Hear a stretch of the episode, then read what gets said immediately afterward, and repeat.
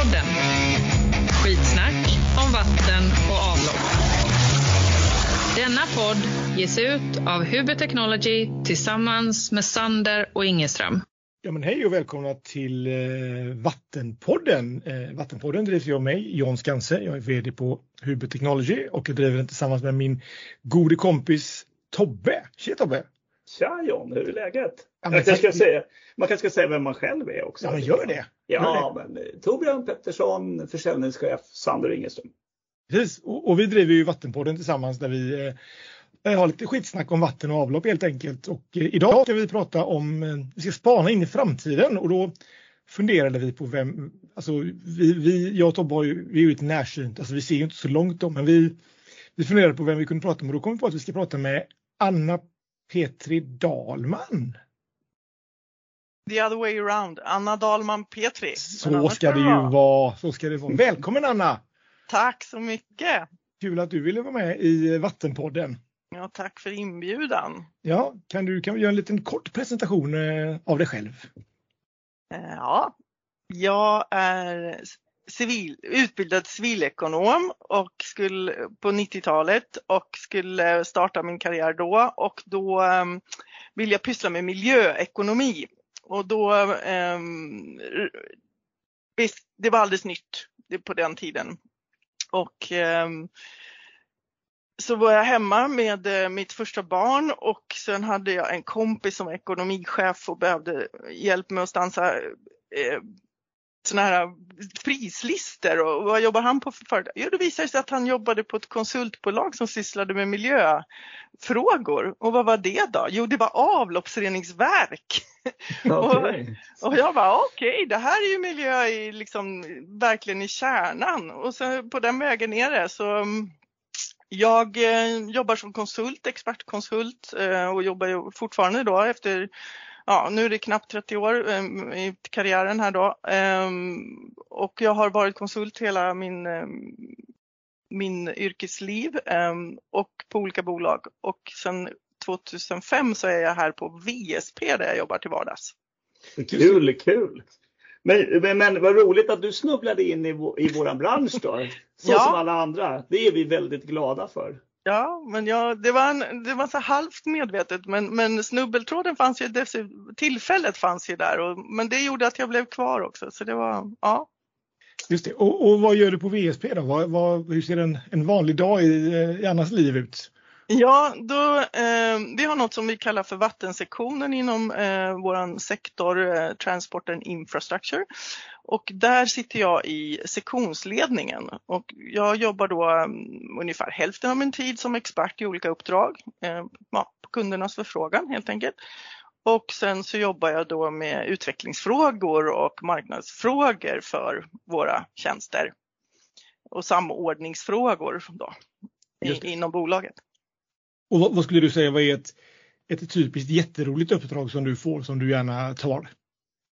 Det är ju något som inte riktigt gjort förut och som man får klura på eh, hur man skulle kunna genomföra det då. Sen tycker jag i och för sig att det är lite bekvämt att ha ramar och, och, mm, och förhållningssätt och, och så och hålla sig till och metoder och så. Men, eh, men när man blir uppringd och säger hej Anna, jag skulle vilja att du gör det här för det tror jag skulle bli bra. Då, då, mm, det blir man, jag blir smickrad av det och eh, engagerad av det och frågar ju förstås varför tror du att jag ska bli och så kan man nysta då vad de vill eh, göra, vad de vill åstadkomma. Just det. Och, vad skulle Skapa sånt, kunskap, skapa kunskap. men, och vad skulle ett sånt uppdrag kunna vara? Liksom? Om du kan något, Jo, men till exempel, exempel. så, ja, det låter kanske lite abstrakt, men till exempel så vill man utveckla arbetet med eh, hur man ska titta på finansieringsfrågan för tillskottsvatten då, alltså, ja, ni vet ju vad det är, inläckage i, i, Mm i avloppsledningarna som kommer till reningsverket och hur stort reningsverk ska vi ha? Ehm, och hur mycket volym ska vi bygga för och kan vi ta bort det där tillskottsvattnet, hur mycket pengar kan vi då ehm, eh, ja, minska i investeringsvolym och hur kan man jobba för att åstadkomma det? Ehm, förändra beteenden, förändra genom att man vet det. Och då kan man jobba med workshop på människorna, för det är alltid människorna som behöver förändra på sig. Och så kan man räkna på det och belysa och ehm, ja, skapa kunskap kring en, en sån utveckling. Sånt tycker jag är roligt. Och det får jag göra ibland. Mm. Det där låter jättespännande. Lite mer pang för pengarna, det brukar vi säga John. Eller? Just det, det, det, Precis, men... det tycker jag är en drivkraft, verkligen. Pang för pengarna. Vad ska vi åstadkomma? Varför ska vi göra det och vad kostar det? Mm. Ja, just det. Ja, nej, men vad spännande. Och vi, eh, vi, kommer prata, vi har väl egentligen tre huvudspår som vi tänkte framtidsspana lite om idag. Och, ja, lite fakta och lite framtidsspaning. Och det ena är ju naturligtvis hur ska man finansiera det här stora investeringsbehovet vi ser framför oss som är 500 miljoner plus skulle vi väl kunna säga idag. Eh, och det någonstans kom, kan ju också drivas av hur EUs avloppsdirektiv påverkar, påverkar oss här och vad vi behöver göra för att kunna uppnå det. Eh, och så, lite på, på, så tänkte vi också diskutera lite vad en klimatneutral VA 2030 och som Svenskt Vatten har satt ut pinnen kring vad, vad, det är, vad det kan innebära och vad man behöver göra kring det. Så det är de tre ämnena vi tänkte ägna oss åt här de kommande 40 minuterna. Så jag tycker att vi hänger med så tar vi det.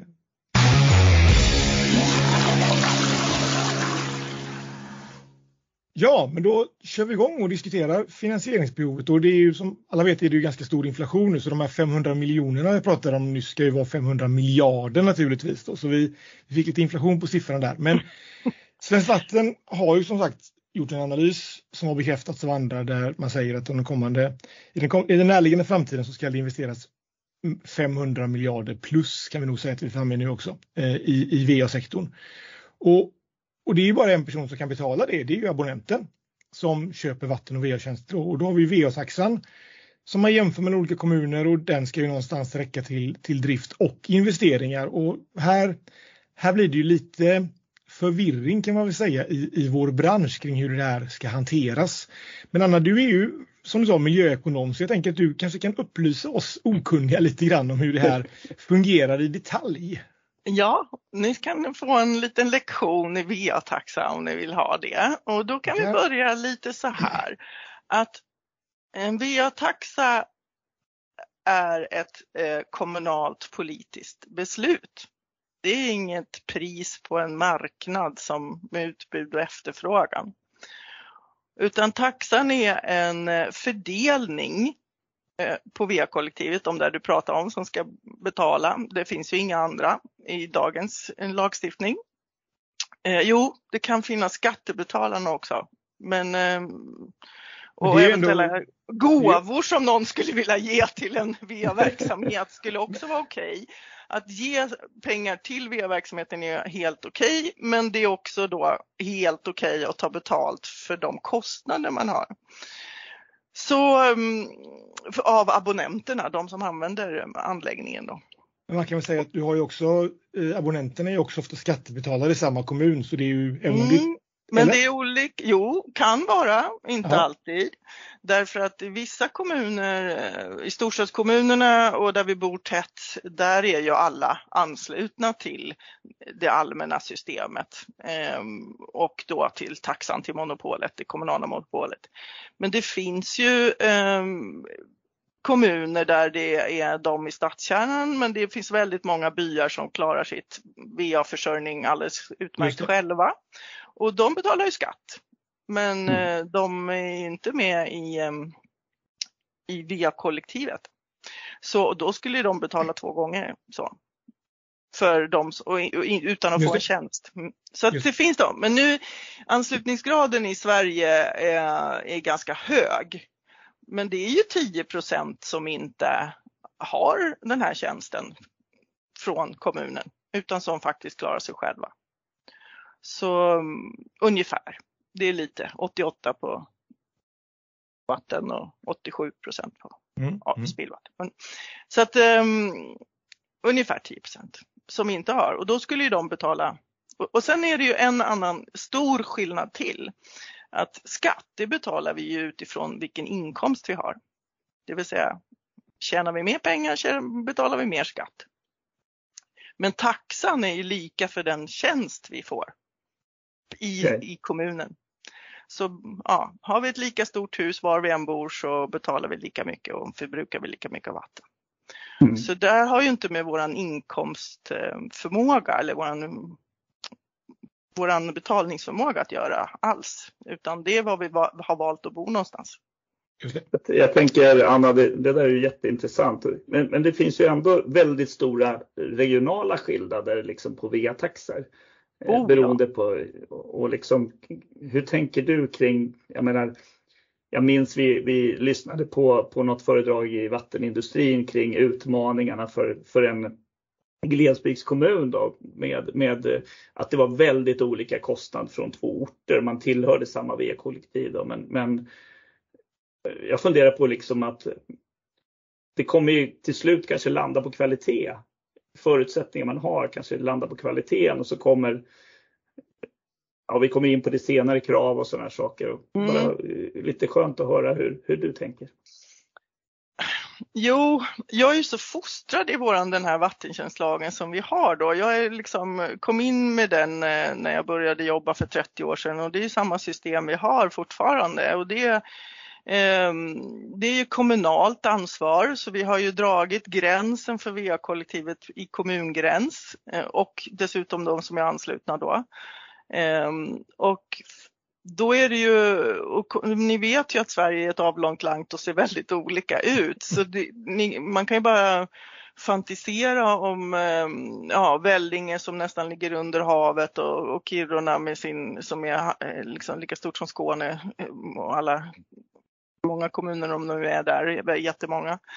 Så avstånd spelar ju förstås väldigt stor roll i det här, men det finns någon eh, upp... Man väljer ju att bo någonstans. Och det finns andra eh, kriterier för varför man väljer att bo någonstans. Och vad kostar det att bo på det ställe man väljer? Vatten och avloppstjänster är en kostnad man har för att bo. För det behöver man, för annars blir man sjuk. och eh, miljön förstörs. Och antingen fixar man det själv då, där man bor, där man väljer att bo. Eller så le lever man eh, nära andra och då behöver det allmänna ta hand om det här. Och då blir man eh, föremål för en taxa då. Och den är ju ett kommunalt monopol och, och de här gränserna, det jag tänker när det är så här, det är att kommunala gränser är inte idealt. Det, men, men det går ju inte ihop annars om man inte har det kommunala vi måste slå, ut, slå upp det kommunala självstyret om vi ska ändra gränserna. Det där är ju en ganska politisk fråga att börja peta i det kommunala självstyret ja, känner jag som kanske gjorde, inte Vattenpodden riktigt är, är beskickad att, att, att, att nej, den. Apropå framtidsspaning då, så vattentjänstlagen var ju under lupp då på 90-talet och det kom ju faktiskt en ny, det utreddes under många år och det kom en ny lag, ny lag 2007 där man fastslog att det skulle vara kommunalt ägande om den här monopolverksamheten och att det skulle vara kommunalt fortfarande. Liksom. Det finns ingen statlig myndighet för vattentjänsterna. Nej. Så det är den ordningen vi har skaffat oss i Sverige. Sen om den är ideal och du sa vad tycker jag om det? 500% skillnad mellan någon storstadskommun som har 3200 kronor betalar man för alla tjänster och man får allting. Eh, och i en annan kommun betalar man 16 000 kronor mm. på ett år. Det är 500 procent skillnad. Liksom. Ska det vara så i Sverige? Ja, vet inte. Men, men Faktiskt, det, eh, det beror ju på var man vill bo någonstans och sen kan man ju tycka att det är orättvist förstås. Men det är väl orättvist, alltså varför får han bo vid havet, varför har han så mycket pengar och kan bygga sin 800 kvadratmeter villa och varför ska jag bo i en etta i ja, Kumla? Nej, men, men ta någon annan, en liten ort. Men, men det är ju helt rätt som du säger, man, man får ju välja var man vill bo med dess pros and cons som, som kommer och det stället man landar på. Liksom. Men, men hur det än är så, så, så är det ju en, oaktat vilken kommun du är så ser vi ju väldigt stora investeringar som kommer framöver. Ja. Vi har ju några kommuner som ligger väldigt nära men till exempel Lidköping ska ju investera väldigt mycket pengar i sitt nya reningsverk och vi har Stockholm Kalmar. investerar ju brutalt mycket pengar i Henriksdal. Ja. Eh, och sen har vi massa som ligger på kö och ska göra stora investeringar ja. i både ledningsnät och reningsverk. Eh, och, då kan man ju fundera på hur, hur, vad, vad säger då den här vattentjänstlagen om investeringar? För taxan ska ju någonstans täcka, täcka kostnader. Men när vi investerar då får vi ju kostnader i en balansräkning och vi får räntor och sådär. Kan du, kan du hjälpa oss lite och, och navigera ja. i, det här så vi förstår? Mm. Um, ja, för taxan är ju då en fördelning av kostnader. Och det ska vi ha. Sen har vi en um, vi har två typer av avgifter i Sverige. Vi har en eh, avgift som vi kallar för brukningsavgift som den som jag refererade just nu till, den man betalar varje år så, för den tjänst man får levererad. Men sen har vi ju också en annan typ av avgift i Sverige som är tillåtet, som inte är nödvändigt men tillåtet och alla kommuner har det och det är någonting som vi kallar för anläggningsavgift. Och det är ju då en avgift som täcker utgifterna för att, eller beroende på vad kommunerna har satt den på för nivå. Men den är, syftet med den är att den ska kunna vara ett instrument att eh, ersätta utgifter för investering till nya fastigheter. Nu vet jag inte om det gick för fort, så här, utgifter jo. till fastigheter. så, ja. Och det är när man bygger ut anläggningen, alltså när, man, när nya fastigheter kommer till. Då får de köpa in sig i den anledningen, eh, eller ersätta den investering som faktiskt, som, som faktiskt um, de åsamkar. Så de betalar in i förväg kan man säga, eh, det det kostar. För kosta gör det över tid. Vi använder ju den här anläggningen över tid och det är då vi får avskrivningar i resultaträkningen eh, som är då förslitningen av den här anläggningen som vi har köpt. Eh, och då behöver vi inte betala ränta för det som VA-huvudman därför att då har ju kunden betalat in pengen för det i förväg. Det där är inte så stor andel av VA-verksamheten. I expansiva kommuner kan det ju vara det om de har en, en eh, anläggningsavgift som matchar utbyggnaden och då är det utbyggnad av ledningsnät, utbyggnad mm, till mm. nya fastigheter, inte reningsverken. Så. Um, utan ledningsnät och det är den stora anläggningsdelen i VA-ekonomin. Um, det är ju ledningsnäten. Men, men kan, man, kan man skruva upp anläggningsavgiften då om man skulle investera sig hårdare i, lednings... Eller liksom, det är en sak att om, om du måste bygga 100 meter ledning för att ansluta min fastighet alltså så får man fördela den kostnaden på de som ansluter sig. Det är väl så det fungerar tänker jag. Ungefär. Mm. Men, men, kan man liksom kan man, kan man öka den för att, för att kunna investera i reningsverken också? Eh, ja, eh, det finns ett instrument där man kan ta in pengar i förväg från brukningsavgiften och fondera det om man ska bygga någon ny tjänst, om man ska liksom in, inte bara renovera eller åter samma funktion, samma, men om man ska mm, göra något nytt som inte har funnits förut, till exempel införa kväverening då där det inte har funnits, så skulle man kunna ta in pengar i förväg också av eh, kunderna från brukningsavgiften eh, och lägga i en fond som man kallar för investeringsfond. Då. Eh, och sen så måste man ta ut den. Men, men det kan man inte hålla på med. Det måste vara en specifik eh, investering, det måste vara eh, över en viss tid och så vidare. Men anläggningsavgifterna de får bara täcka eh, sådana investeringar som är för att bygga ut till nya eh, abonnenter. Men där har vi haft en initierad eh, dialog med, med jurister om, om, eh, om man får täcka även kapacitetsutbyggnad då på verk och så. Eh, mm. Och det är inte tillräckligt prövat för att jag ska kunna säga vad det är som okay. gäller. men, men, men, eh, jag tycker att kapacitetsökning borde kunna få också ligga i en, som en andel i, i, i anläggningsavgiften. Men överhuvudtaget så tycker jag inte den här anläggningsavgiften är så bra för vi finns ju ett jättebra instrument. Vi kan ju låna pengar. Ja. Ja, det går är jättebra att låna pengar. Men är det det som är lösningen då? Att kommunerna ska, ska skuldsätta sig från, från Kommuninvest eller annan investerare för att göra ja. sina investeringar? Ja, det är väl jättebra. Det är någon som ska avstå de där pengarna. Anläggningsavgiften brukar ju vara flera hundratusen kronor och eget kapital från, från någon från någon eh, som ska sätta in det, det brukar ju vara det dyraste kapitalet vi har. Eh, de är man ju mest rädd om, de kan man ju sätta in i någon annan investering om man vill. Varför ska man sätta in den i VA-verkets eh, balansräkning för? Jag kan väl sätta in den i någon indexfond på börsen eller något. Jag vet inte vad jag ska tjäna mina pengar.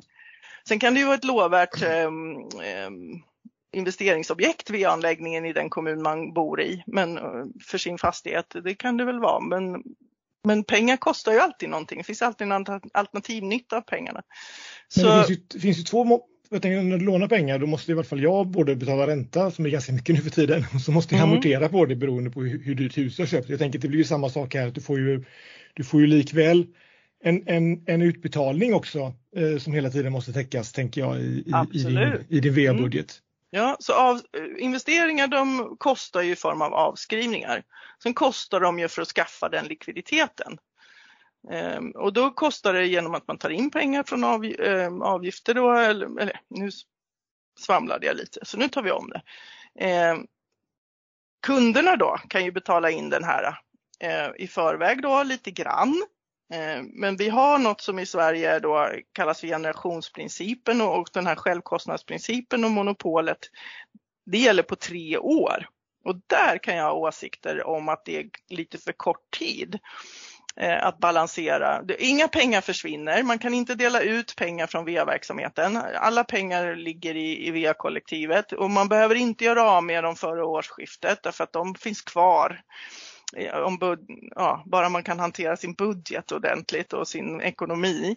För att alla inbetalade pengar är via kollektivets pengar eh, och eh, kostnaderna ska ju bara vara nödvändiga. Så att, eh, och, och det är kostnader man sen fördelar på taxan. Men det där är lite, det där är ett ganska trögrörligt system för taxan måste man ju bestämma innan man har, vet vad kostnaderna är. Så man måste göra prognoser vad det blir för kostnader och sen så behöver man justera sin taxenivå efter det då förstås. Och det där är ju politiska processer så att innan man har facit ska man bestämma eh, nästa år och då, kan man, och då vet ni ju att det stämmer ju aldrig exakt. Liksom. Så och då har man sagt i lagstiftningen att man har tre år på sig. Man får upptäcka, man får liksom göra ett politiskt beslut och man får ändra. Men då har ju verkligheten också hunnit ändra på sig. Så då har ju kostnaden hunnit ändra på sig. Och, ehm, så det där är ett treårscykelsystem som man har sagt i Sverige då. Men det kan vara lite kort i via mm. Sverige. För att vi har ju väldigt långa investeringar och långa nyttjandeperioder och, och investeringar tar inte en, bara ett kvartal att göra utan de tar ju flera år att göra och, och så vidare. Så det där ställer till, det blir lite mer komplext då och där kan jag tycka att lagstiftaren skulle ge via verksamheten lite längre horisont att utjämna det där på. Ja, för jag tänker som. För som vi tar Lidköping som ett exempel nu som kommer att investera väldigt många mm. miljoner i sitt nya reningsverk. Innebär det att den investeringen skulle behöva tas ut på VA-taxan under tre år? Nej. Nej, nej, nej, nej, nej, nej, nej, nej, nej, nej, nej. Utan utgiften har man ju då och den lånar man ju till och sen så kostnaden kommer i form av en avskrivning som mm. då kanske är på 50 år. Just det. Eller ja, så en fem, om du investerar då 100 och så delar du det med 50 då blir det ju eh, två varje år som det kostar som du ska finansiera med VA-taxan, inte 50 utan, eller 100 utan det är ju bara de här två du ska finansiera med VA-taxen. Just det. Men om vi då tänker Men då behöver du låna lite den där räntan också. Ja. ja men det gamla reningsverket som var helt avskrivet då, för det var ju så gammalt så det, det, det finns ju bara en driftskostnad i det egentligen mm. plus en liten mm. reinvesteringskostnad. Mm. Så kan det inte bli en ganska stort hopp jo, för abonnenterna jo, när man gör en jo. sån här investering då? Jo, och det är ju ett dilemma. Det är därför jag tycker att de här äh, tiden skulle, äh, för att kunna justera det här, att det är för lite tid för det här stora hoppet som du är inne på, som det faktiskt kan bli då. Om man har legat och puttrat på 10 miljoner varje år investerat där och så har man skrivit av det på 50, det blir ju bara 200 000 per år som det kostar. Men om du då plötsligt får en 100 där, ett år, och så ökar det från 200 000 till 2 miljoner 200 000. Alltså Precis. då blir det 2 miljoner till som du ska fördela över ditt kollektiv och det blir ett stort hopp ett enskilt år. Just det. Och då är det, vore det ju smart då om man prognostiserade det där, man tog in det året innan och kanske två år innan och sen så kan man jämna ut det så att inte taxeändringen blir så volatil skulle man ju kunna uttrycka det för om man vill ekonomsnack. Nej men precis, och då, för då, så då, då tänker jag så här att du vinner ju inga val på att höja, dubblera VA-taxan. Så då blir det ju en, en, politisk fråga i, i det hela någonstans. Och, och det i sin tur kan ju kanske hindra investeringen eh, än om man hade smetat ut den här perioden där man kunde höja taxan över, för då blir det ju inte ett politiskt beslut egentligen utan då blir det ju bara ett, ett, ett infrastrukturbeslut så att säga. Ja, fast nu är det ju så, det är politikerna som bestämmer vad som är nödvändiga kostnader. Så har de bestämt att det ska vara ett reningsverk och det kostar 100 miljoner så är det deras beslut och konsekvensen blir att de har all makt i världen att ta ut det av abonnenterna eller hantera det på annat sätt. Så de har ansvaret. Ja, men så är det, men, men det vinner de inga val på. Nej, nej. Men de, om de inte har VA-tjänster till sina kunder, då ska du se vilka som... Då, då, då kanske man förlorar val om man ja, inte det, det tänker jag. Man kanske inte nödvändigtvis vinner. Nej. Nej. Men jätteintressant Anna, innan, innan vi hoppar vidare så, så tänkte jag på en, en annan sak när du, när du berättar det här och det är ju de här re, rena reinvesteringar, alltså mm. moderniteten på maskinell utrustning. Och det här brinner jag och John extra för naturligtvis. Då, liksom, ja. Ja, av, av någon outgrundlig anledning. Ja, eh, ja, men, men jag kan ju många gånger vara ute hos, hos eh, kunder och, och, och, vänner i branschen och, och liksom direkt se att, att eh, nej men om vi Ta den här råvattenpumpen för vattenverk A som är från 1954. Då sålde Sander Ingeström den där pumpen. Och effektiviteten på den här maskinen är nu liksom inte alls vad den en gång har varit. Plus att vi har utvecklat nya hydrauliker och tekniker. Och den kanske inte ens var dimensionerad för, för den användning som den är idag eftersom befolkningen har ökat alternativt minskat. Det, det är alltså helt fel produkt på helt fel plats. Ja. Nevertheless får man höra när man säger så här, ja men om du byter den här pumpen och du kommer spara så här mycket energi, CO2, pengar i kilowattimmar förbrukning. Så nej men vi har inte pengar i våran budget. Och då blir man ju lite så här, det känns så tråkigt i vissa lägen då. Eh, att, man liksom, att det blir inte av. Man har hittat en bad actor som svensk industri kallar för här en bad actor. Mm. Men man gör inte någonting åt det. Eller om man gör någonting åt det tar det alldeles för lång tid innan man gör någonting åt det. Mm. Jag skulle vilja höra hur du tänker kring det här. Om, om jag är helt ute och cyklar. Eller? Nej, nej, nej, nej, men det, jag tycker att det är ett, ett, ett, ett nu ska jag, usch, jag säger det, feltänk. Eh, det är, man har inte inte planerat sin ekonomi, man har inte jobbat med eh, periodiskt underhåll, man har inte värderat eh, ehm, sina livscykelkostnader, man, man jobbar inte med nödvändiga kostnader. Det där är en onödig kostnad.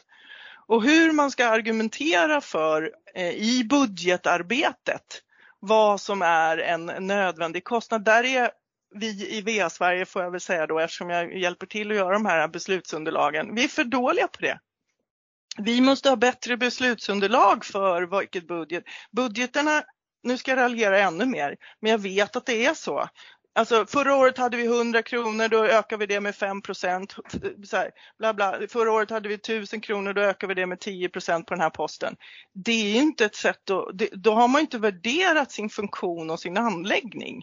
Däremot om man tittar på vilka priser betalar jag, vilken kvantitet använder jag och vad ska jag ha ut? Vad vill jag få ut från den här anläggningen? Vilken funktion vill jag ha? Om vi visste vilken funktion vi vill ha, då skulle vi inte köra med den där pumpen. Då skulle vi ha beslutskriterier som vi ska ha effektiva pumpar som, eller målbilder som, som max ger så här många kilowattimmar per pumpad kubik. Vi ska, vi ska ha så här, då kan vi inte ha den kvar, då blir det en nödvändig kostnad att byta. Mm. Eh, och, och så räknar vi på payoff-tiden och, och kostnaden och så planerar vi vår verksamhet längre än procenten ett år. Och där har vi att göra i VA-branschen. Så lite mm, som asset management skulle inte skada lite mera så. Ja, men jag tänker där, då kommer vi tillbaka till det kommunala självstyret igen, att, att då ska ju yes. den lilla kommunen klara av att klara göra av det på samma sätt som de stora professionella kommunerna kanske gör och kanske är bättre på det. Jag tror att jag och Tobbe också ofta upplever att de större kommunerna har ju en professionellare organisation. Medan i de små kommunerna så har man en större utmaning där och, och det, det blir också någon form av intressant ojämlik, ojämlikhet där i alla fall. Mm. Men, men en, en, sista fråga då, klarar liksom, att, att det är VA-taxan som ska finansiera det hela, det, det, är ju, det är ju så det är. Det är, det är lag, lagstiftat mm. att det är så. Men är, liksom, de ökningarna som de här 500 miljarderna kommer innebära för abonnenterna, är, mm. de, är de rimliga? Vad innebär det på vattenpriset? Jag menar, det är bara som att ta elpriset nu. Nu har man ju ändå infört en avgift för att kunna hantera överför, för att hantera investeringar för överföring av el från norra till södra Sverige som man inte har använt. Men liksom, har vi samma sak här? Är, är det liksom rimligt att abonnenten ska få ett vattenpris som är x gånger dyrare? Liksom, kommer det mm. funka? Mm.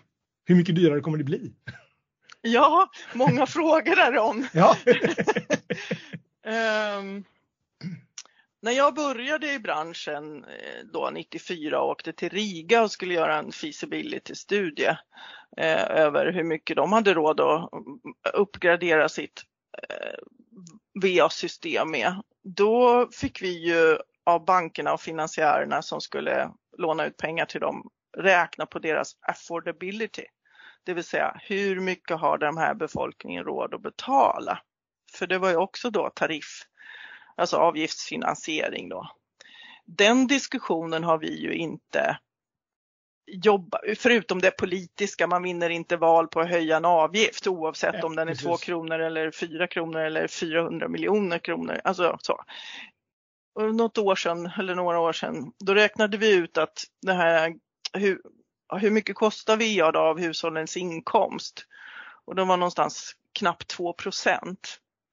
Ehm, och i de här affordability då på 90-talet så sa Världsbanken att 4% är ett riktvärde med medel.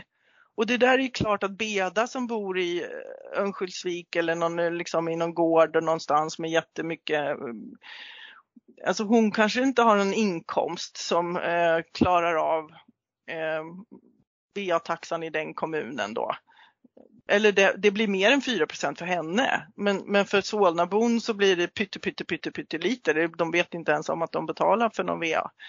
Ehm, så inkomstförmågan då hos våran VA-kollektiv är ju förstås olika. Så det är klart att det finns en svans som kommer att tycka att det här är jättedyrt.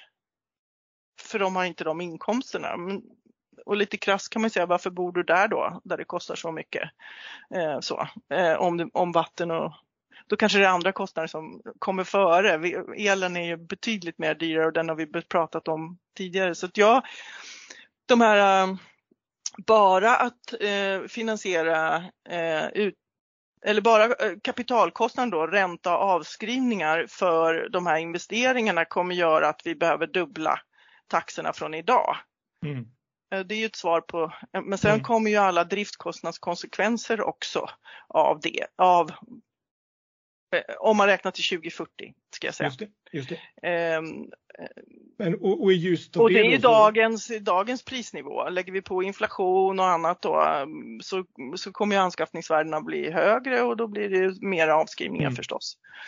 Um, mm. så att, men, så, men vi har inte riktigt um, vi har inte riktigt värderat vad, eller Sverige har i alla fall inte sagt ner, satt ner foten och sagt att vad VA får kosta i det här landet innan det be, behövs något annat system för att betala.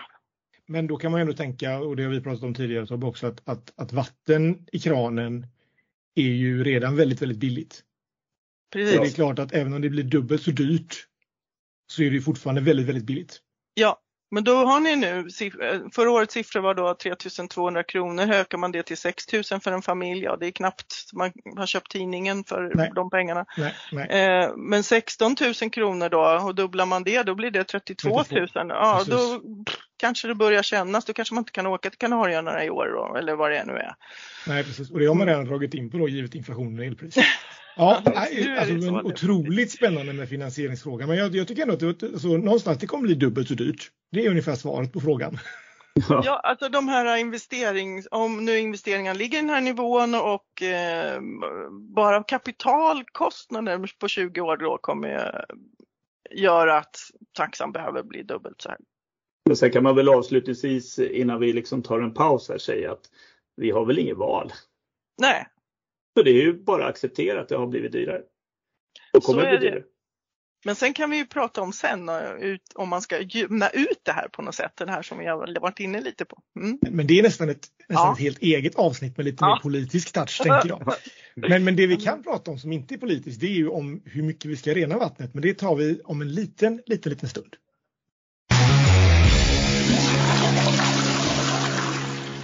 Ja, men välkommen tillbaka då. Jag tänkte vi skulle hoppa in John på nästa punkt då eh, och passa på när vi har så otroligt fin kunskap i podden. Eh, och det är ju avloppsdirektivet och EUs nya förslag om kväverening.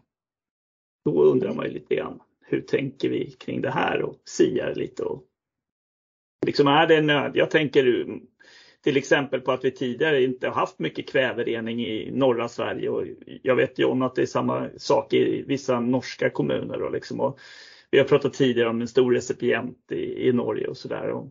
Lite kul att höra vad Anna tänker om detta. Ja, alltså när jag kom in i branschen så, så jobbade jag på ett konsultbolag som var just specialister på avloppsreningsverk. Och det här var ju på 90-talet.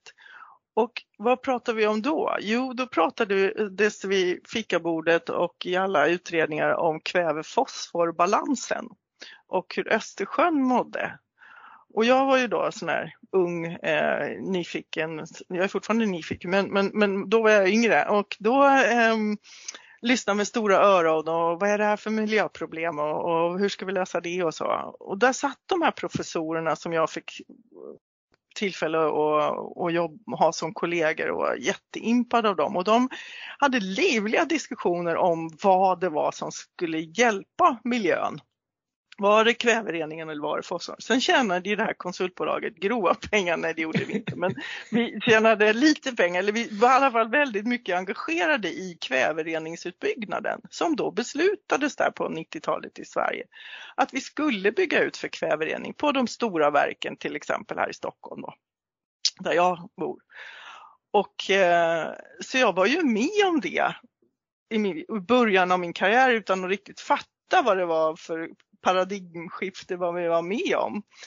Och sen dess har vi gått med i EU och nu lyder vi under EU-lagstiftning och den här eh, e EU-direktivet då eh, som är nu ett förslag till EU-direktiv ska vi ju säga. Så det har ju inte, det är ju då det gamla avloppsdirektivet som har varit under lupp och sen har man kommit med ett förslag nu och förslaget är ju då att man ska ha kväverening i alla länder överallt. Typ lite lekmannamässigt uttryckt.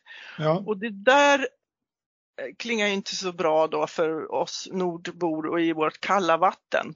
Och det där kan ni säkert mer om än jag, men så som jag har fått lära mig då så eh, dels eh, i inlandet då där vi släpper ut i recipient så har, finns det en retention innan det kommer till havet. Och retention betyder att det renas av naturlig väg då. Så det, det finns knappt något kväve kvar där så att ha en anläggning som tar bort kväve ja, är inte så miljönyttigt för det har miljön klarat av ändå. Just inte eh, mer pang för pengarna där. Inte mycket pang för pengarna.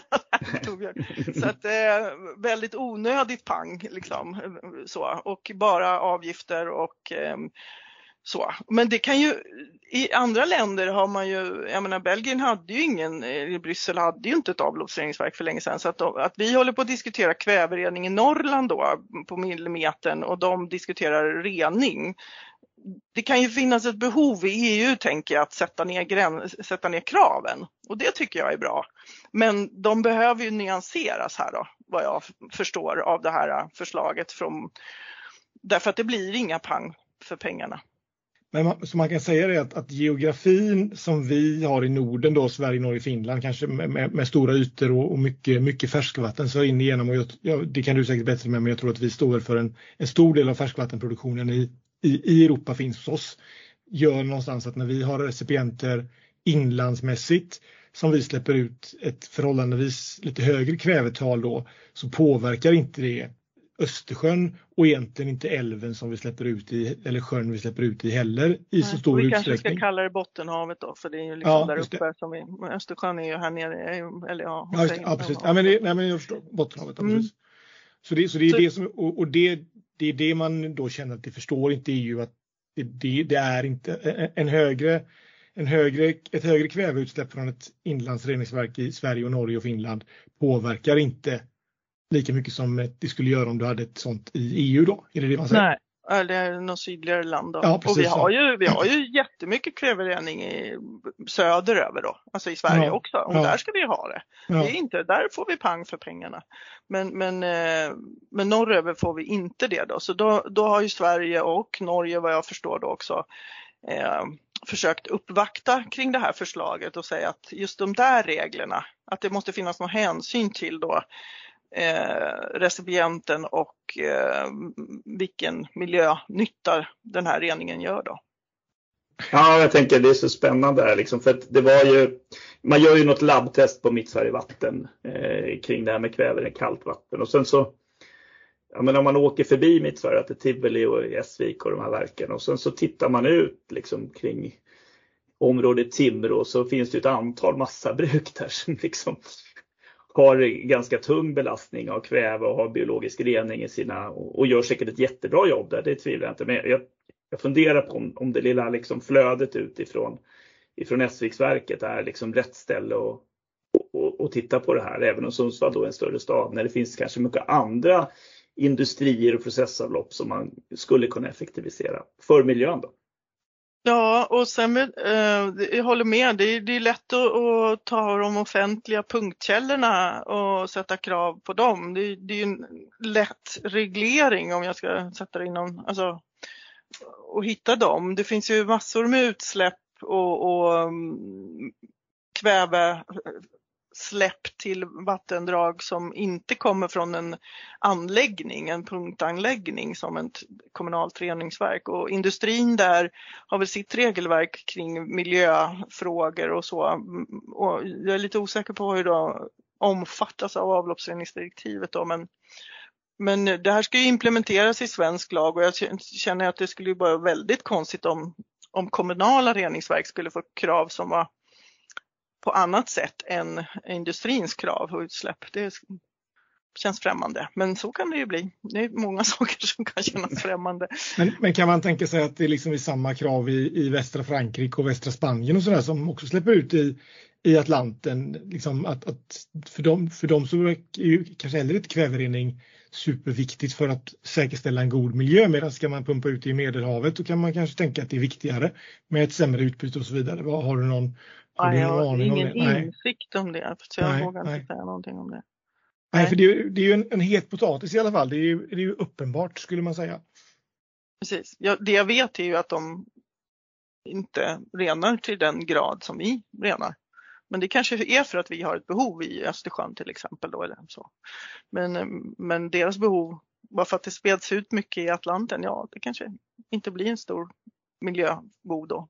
Ja, det det, det- nej, jag säger. Det är, det är ju lite så som, som norsk reglering har varit hittills i alla fall har ju varit det att eftersom det är en så, så god recipient, alltså man, man är väldigt mycket mer styrd av recipientförmågan i Norge än vad, alltså i Sverige så landar ju det mesta i Östersjön och det är ju en dålig recipient så där blir ju kraven fort samma liksom. Ja. Men vad, vad skulle, vad, har du någon aning om vad det skulle kosta om vi skulle behöva införa det här? Har du, har du sett någon sån siffra? Ja, det har jag ju faktiskt, fast jag inte kommer ihåg den då. Ehm, Just nu så på eh, Svenskt Vatten har gjort en ehm, och, och eh, Naturvårdsverket har gjort en eh, beräkning av vad det här kostar. Och det är förstås ett stort spann för att man vet ju inte hur många som Självklart. kommer att att- att, ehm, drabbas här och det är osäkerheter. Men ja, det är ju det bästa kvalificerade gissningar vi kan få. Men nu kommer jag inte ihåg den siffran. Nej, Men men den kan man den. ju Kan man googla upp komplettera med kanske. Precis. Mm. Ja, nej, men det är ändå spännande och det är som sagt, men jag håller med, det känns ju ändå som, som Tobbe sammanfattar att det blir inte så mycket pang för pengarna om vi skulle tvingas gå den vägen och, och jag läste väl någonstans också att Svenskt Vatten var lite jag läste mellan raderna tyckte jag att de var lite kritiska mot beredningen av den här frågan att, att inte Sverige hade varit tydligare i ett tidigare skede utan nu var ju egentligen direktivet ganska så färdigt och ute för remiss men det borde aldrig fått komma så här långt var väl deras, deras åsikt ivrigt Mm. påhejad av Norge. Mm. Och det är väl det här med EU-maskineriet, de backar ju inte gärna när de har kommit så här långt. Och, och där, ehm, men de, de idkar ju påverkansmöjlighet, eh, påverkansarbete nu då, men det måste ju upp till den politiska nivån för att det ska hända någonting förstås. Och tar inte den politiska nivån upp det så spelar det ingen roll vad vi tycker. Intressant. Men ja, det, det pågår en remissrunda. Vi får se om, om Sverige, mm. kan, eh, Sverige och Norge tillsammans, jag tror även att Finland mm. hakar på det där, eh, kan, kan få någon förändring, förändring på det. Intressant. Eh, ja, nej, men vi rullar vidare och eh, pratar om lite klimatneutral VA alldeles, alldeles strax.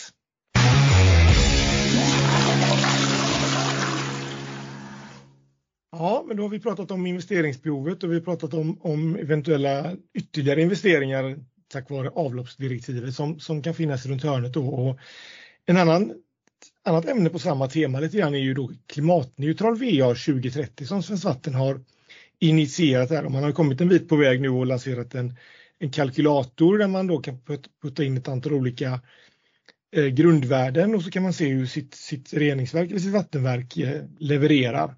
Eh, då tänker jag bara så här, klimatneutral VA, då, då har man ju inte med rörnätssidan som vi ändå vet är en stor del av kostnader och säkert en stor del av, av klimatavtrycket också när man ska bygga ut och gräva ner det och sådär. Men, men Anna, jag vet att du har funderat en del kring, kring klimatneutral VA. Vad, vad är din take på, på initiativet från Svenskt Vatten? Jag tycker att det är jättebra att de har börjat ta i frågan. Det här klimat, hur vi ska förhålla våra verksamheter till klimatet och klimatutvecklingen, det behöver ju alla verksamheter fundera på och vad man ska göra. Så att de har börjat i någon ände nu, det är väl bra.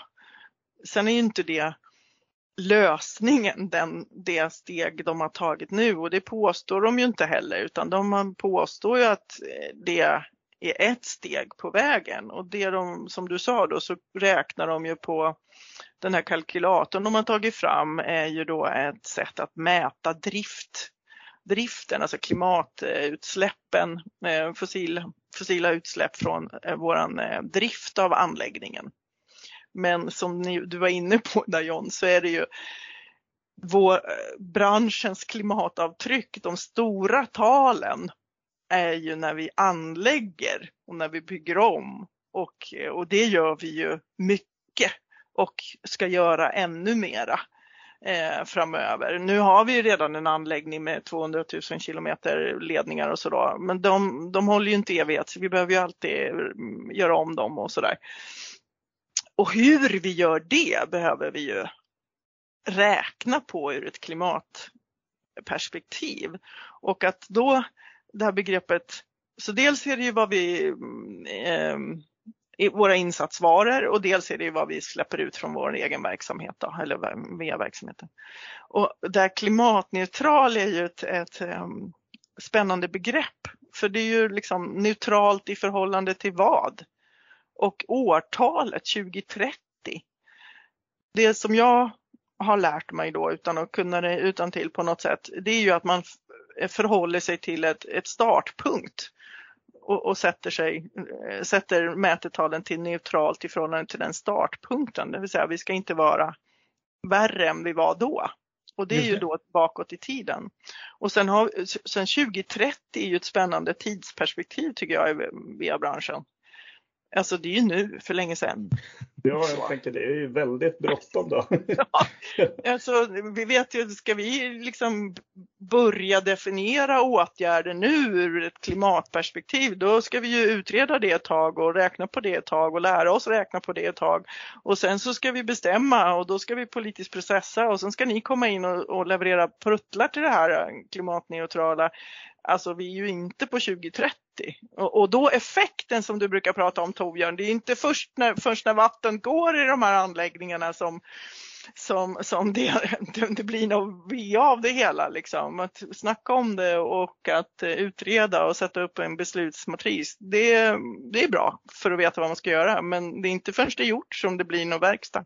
Men jag tänker, eh, det är jätteintressant och, och det här är väl ändå, och jag vet inte hur Svenskt Vatten har resonerat kring det här, men på något sätt i våra verksamheter John, så vi har ju någon slags vision, liksom, att det här vill vi göra och vi, det intressanta med vision som, som begrepp är ju att man strävar dit men att man inte ja. riktigt når där. Eh, och har den där ledstjärnan och då tänker jag också att det är ändå positivt liksom att man fundera på sitt klimatavtryck och kanske kan välja en annan lösning, mer energieffektiv och man kanske kan ta liksom strömmen från någonting annat än, än liksom ett kolkraftverk. Då, då är det liksom positivt, då gör det ett positivt CO2-påverkan på planeten. Absolut, och det behövs alla verksamheter, allt från individen till vilken verksamhet som helst, till stater, till till eh, liksom, vi har ju våran Greta som talar om det för oss varje dag att vi, det här är liksom inget vi kan vänta med liksom. Så att, att sätta tufft mål eller sätta det här 2030 bara för att få oss att vakna är väl, det är väl positivt. Det tycker jag. Och sen det finns ju redan, eh, jag menar, VIA är ju en kommunal verksamhet och eh, kommunerna har krav på sig att göra en klimatplan och visa på sina klimatutsläpp, inklusive VA förstås, för det är ju ingenting annat än en kommunal verksamhet och ett allmänt intresse. Så, att om, så vi måste ju kunna mäta det och visa vad vi gör. Så det finns ingen, det är bara att sätta igång mm, med alla medel vi har och, och jag, jag, är helt enig och jag tycker att det är, det är, precis det som jag tycker de har gjort bra här för att de har ändå på ganska kort tid fått ut en modell. Den har säkert sina fel och brister men den ändå är ganska heltäckande i form av driftfrågorna kring det här och, och, och, då kan man ju bara liksom fundera lite kring, Tobbe du var inne på det, var den elen man använder, hur, hur, hur klimatsmart den producerad och det kanske man inte kan styra men då kan man styra mängden el man använder i alla fall. Eh, och vi, vi hörde också exempel på vissa kommuner som nu i, i, i skuggan av dyrt elpris luftar mindre och därmed får lite sämre rening, klarar fortfarande sina krav men får ner sitt, sitt, i sin elförbrukning då, och kanske också då med sina insats, insatsmedel. Eh, och det är också ett sätt att då får man kanske väga, ska vi vara klimatsmarta eller prissmarta eller hur bra ska vi rena vattnet? Det, då börjar man ju närma sig några andra intressanta, intressanta frågor.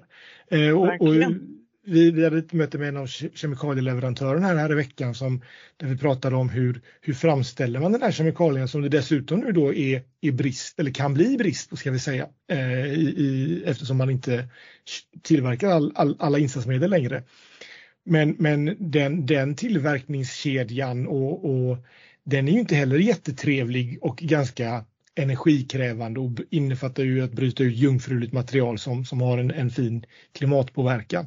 Så det som min lilla tanke kring det här var också att, att Svenskt Vatten har ju, har ju hittills sagt att de inte tänker jämföra reningsverk utan du får göra din analys så kan du se vad du kan göra bättre. Men det, det, tävlingsådran i mig gör ju ändå att jag tycker det hade varit roligt att jämföra olika, eh, olika tekniker i reningsverken beroende på hur de är byggda och designade för att se vad driften av dem är och sen som du var inne på Anna också hur när vi bygger och designar nya reningsverk hur, hur tar vi med en kravställan på det och jag vet att en av kollegorna mm. i branschen byggföretag pratade om, om grön betong mm. och om det var intressant att använda det och den är framställd på ett annat sätt än vad, eh, vad grå betong är framställd på då. Mm. Eh, men det var liksom inte ett tema när man, när man diskuterade ombyggnaden av reningsverket och de skulle gjuta ganska mycket bassäng och, Därför att de har inte liksom... satt det på kartan som beslutskriterium. Precis, och, och, det som du var inne på Anna, då är det ju superbra att vi verkligen har tryckt på knappen nu och har mm. något att titta på. Mm. Och, och det, är, det, är, ju lätt för oss att sitta här och skjuta på att det är, att det är kort tid och det är, det, det är inte tillräckligt rättvist och sådär men, men det är, alltså någonstans, vi måste ju bara börja med det hur det än är och, och se vad vi kan göra och då måste du börja med mäta. Men sen gäller det också att vi inte lägger för mycket tid och energi på bara mäta och mäta och mäta. Vi måste göra åtgärder. Ja, vi måste köpa grejer, installera dem och mm. få saken att hända. Liksom. Och... Där har du ditt beslutskriterium för att byta den där pumpen. Även om budgeten inte... Liksom, jag måste innehålla mitt klimatutsläppskriterium. Det är viktigare än budgeten i det här. Då kommer vi till klimatbudgeten måste vi helt ja. enkelt introducera ja. i, i, i balansräkningen i, ja. i Reningsverket. Men, jag tänkte en annan, jag bara hoppar in lite John här. Så det är väldigt intressant och, och, en sak som, som jag tänker är att, att ofta ser man ju liksom en VA-verksamhet som någon slags belastning då, men det är också en resurs. Och det får vi inte glömma. En resurs i form av, av liksom eh, fosfor, det är en resurs i form av att vi rötar eh, vårat slam och att vi kan köra bussar och, och, och, och saker på det. Så det är ju någonting som man verkligen med en sån vision då, klimatneutralt VA, då blir det väl ändå svårare när man sitter och bestämmer sig att man ska bygga om sitt, sitt reningsverk. Ska vi ha en rötkammare eller inte? Ska vi ha en gasmotor eller inte? Ja, men om man då, då blir det beslutet lättare att ta, tänker jag. Absolut, därför att om man sätter upp vad man vill uppnå, vilka, vilka, och då kan det bli målkonflikter mellan pengar och, och klimat. Ja, det kan det, men då får man välja det är ju ett dilemma. Det kan man inte liksom lösa, som kompromissa utan då får man välja. Sen kanske man kompromissar och då får man, ja i alla fall, jag vet inte om det går. Men, men, eh, men eh, då kanske det inte blir så bra för då, ja.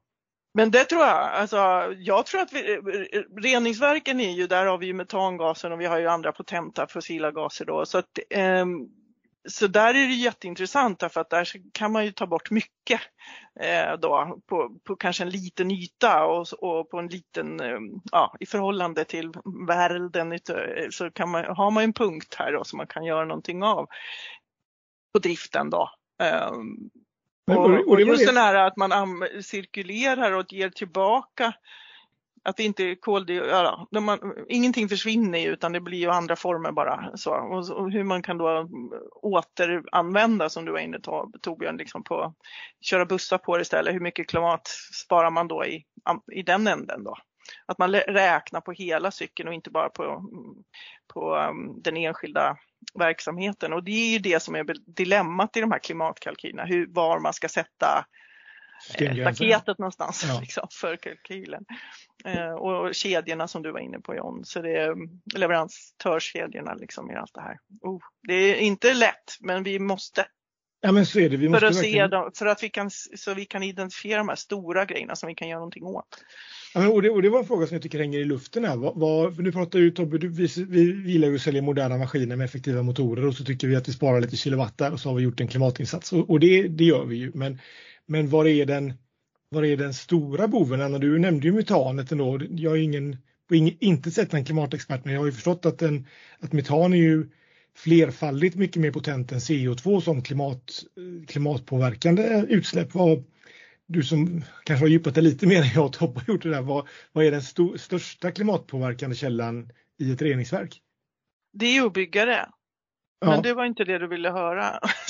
det var inte det jag frågade stå, Stål och, och dina betongklumpar eller vad det nu är, stålklumpar. Liksom. Det, eh, det är ju det stora avtrycket då. Men, ja. eh, men det är klart att vi måste räkna på en tid och det var det jag var inne på. Liksom, vilken ram sätter vi, vilken tidsram sätter vi, vilken anläggningsram sätter vi för livscykeln som vi ska så att vi vet var vi gör mest nytta någonstans och det är den stora utmaningen. Men, men metanika, sen tycker jag det är intressant om, om reningsverken kan bli någon sån här carbon capture, liksom att de kan fånga in, alltså där är jag för novis, men det, jag tyck, det är en nyfiken fråga liksom hur vi kan via systemet då som har varit ganska linjärt så här, man tar upp rent vatten på ett ställe och släpper ut halvrent vatten på något tredje ställe.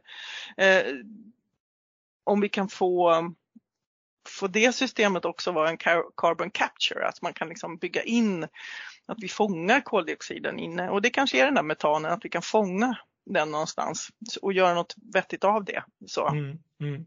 Använda det i någon annan energi, som energi någonstans. Och, och fånga det då och inte släppa ut det.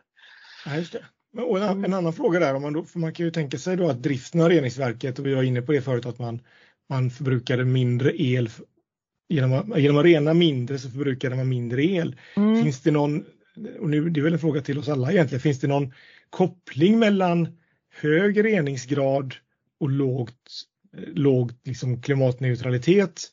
Eller om vi renar vi, alltså tjänar vi på, tjänar klimatet på att vi renar vattnet mer eller mindre? Ja, det fattar jag. Jag fattar den. ja, okay. Jag vet att kollegor på, som, eller på um, det här stora reningsverket vi har i, i Stockholm, då, Henriksdal, de har grottat mycket i den här frågan. Så ni kanske får bjuda in någon därifrån och grotta ja. vidare i den frågan. Ja. För det, det är ju, apropå de här dilemman då, reningsgrad och, um, och insatsvaror för att få den reningsgraden då och vad som är koldioxid i det. Um, eller, eller kanske det, metan eller annat, alltså annan ja. CO2 eller liksom växthuseffekt om man, mm. om man liksom mm. vill, vill, stoppa växthuseffekten liksom, vilket kanske ändå är den det är väl det som vi oftast märker när vi pratar om klimatneutraliteten naturligtvis. Så Mest akuta det... frågan kanske också. Ja men så är det ju. Så det är inte bara, vi har ju, väldigt, vi har ju pratat väldigt länge om eh, vilken energi vi använder och hur mycket energi och så, eh, som energin, alltså elen och energin och tillbaka. Och visst, det är en stor del, men, men alla de här material och transporter och eh, insatsvaror, liksom, det har vi ju inte pratat om än. Men det får vi väl börja prata om nu och mäta. Men helt klart, helt klart Jonny kan man i alla fall säga att ju mer syre man tillsätter i processen så är det positivt för sin reningsgrad. Då. Och jag som håller på med blåsmaskiner kan ju säga att mer syre i vattnet kostar ju mer energi att, att peta dit det. Så det finns ju en koppling naturligtvis med en balans var man, där det kanske inte blir så effektivt längre. Man kanske kan hitta något optimum där på både klimat och energi och, och, och syre. Så du får räkna på den Tobbe. Nej, men jag tror att liksom, om man verkligen ska spåna i framtiden så bygger man riktigt digitala tvillingar och gör alla olika saker innan och, och, och liksom verkligen bygger ett reningsverk digitalt innan man sätter spaden i backen så skulle mm. man ju mm. verkligen kunna, kunna liksom hitta good enough-gränsen liksom, på något sätt. Mm. För det kommer ju bli en, en sån optimum. Man måste ju väga de här kriterierna mot varandra. Då, som du var inne på. Miljön, pang på pengarna, nu är vi där igen. Jo men, men och, och, kan vi bara försöka sy ihop det här lite med digitalisering för jag tycker du kommer in på en intressant sak där Tobbe. Att, att I industrin så har man jobbat mycket med simulering, det vill säga man samlar in massa data om hur processerna fungerar och så stoppar man in det och så kör man det genom, genom sina simuleringsprogram och så hittar man flaskhalsar som man kan optimera bort. Eh, och, och, och, jag tänker att det borde kunna vara samma sak här egentligen att ju mer digitala vi blir i VAn desto mer mäter vi. Ju mer vi mäter desto mer kan vi stoppa in i vår digitala tvilling och simulera var det här optimumet ligger. För jag, det, även om jag har gått, på Chalmers några år så den ekvationen att kunna räkna ut det, den löser mm. inte jag i alla fall och den tror jag inte att så många andra heller löser. Mm. Men, du behöver nog lite beräkningsdatorer där. Ja men jag tänker det, mm. men det är ändå en spännande, spännande mm. Ja, nej men, eh, jättekul diskussioner. Finansiering, avloppsdirektiv, klimatneutral VA. Vi, vi ger oss på en sammanfattning eh, alldeles, alldeles strax.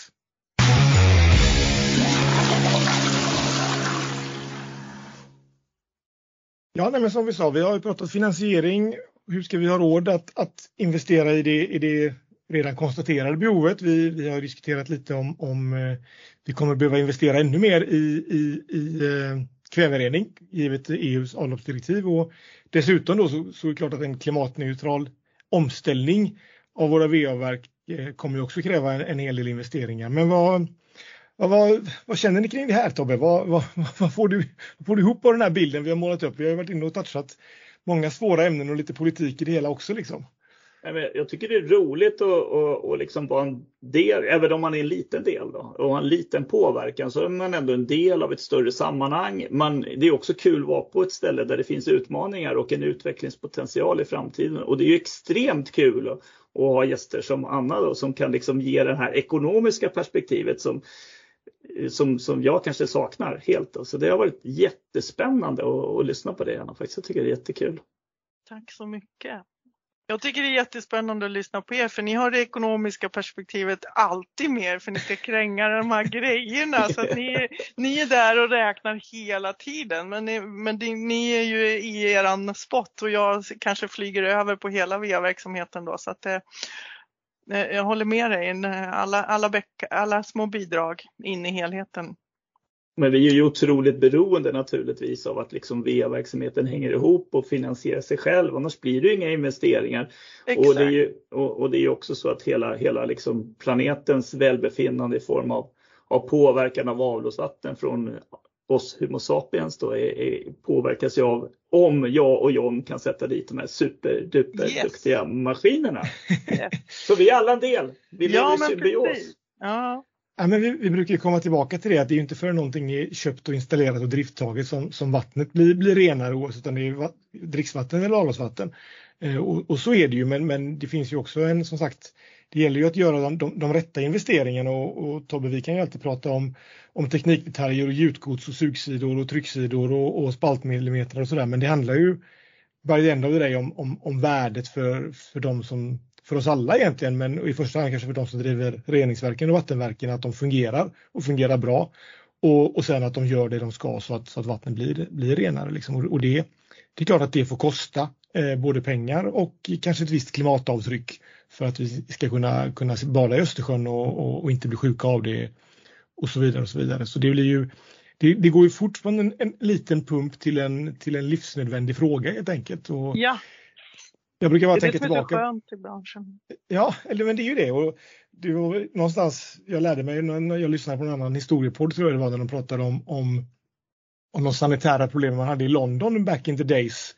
Där man då, det är därför britterna dricker så mycket te, för de var helt rudiskt dåliga på att bygga avloppsrening och då fick de koka allt vatten som de skulle dricka. Eh, så antingen drack de te eller gin då, för gin var ju också, var ju också mm. desinficerat när man hade druckit det, eller när man hade tillverkat det. Då. Så att, eh, det är väl det vi ska ägna oss till helgen då, tänker jag, att, att dricka gin-te, eller vad tror ni om det? Jag måste få lägga till en sak om gin, för jag lärde mig det här på en ginprovning som var väldigt roligt. Att, att, vet ni varför man dricker gin och tonic eller Indian water? Nej. Indian water innehåller ju kinin. Och Ja, det där kom man ju på då när man var i Indien, för det fanns ju massa malaria där. Så då var det ju liksom en del av en gin och tonic var helt enkelt läkemedel, så tänk på det nu innan helgen. Alltså att det, ni konsumerar läkemedel. Ja, men så, så var det, så man, man, tog, man tog den desinficerade ginen och så hällde man i läkemedel i den och så fick man en av, en av de godaste drinkarna i, Exakt. i världen helt enkelt. Exakt. Ja.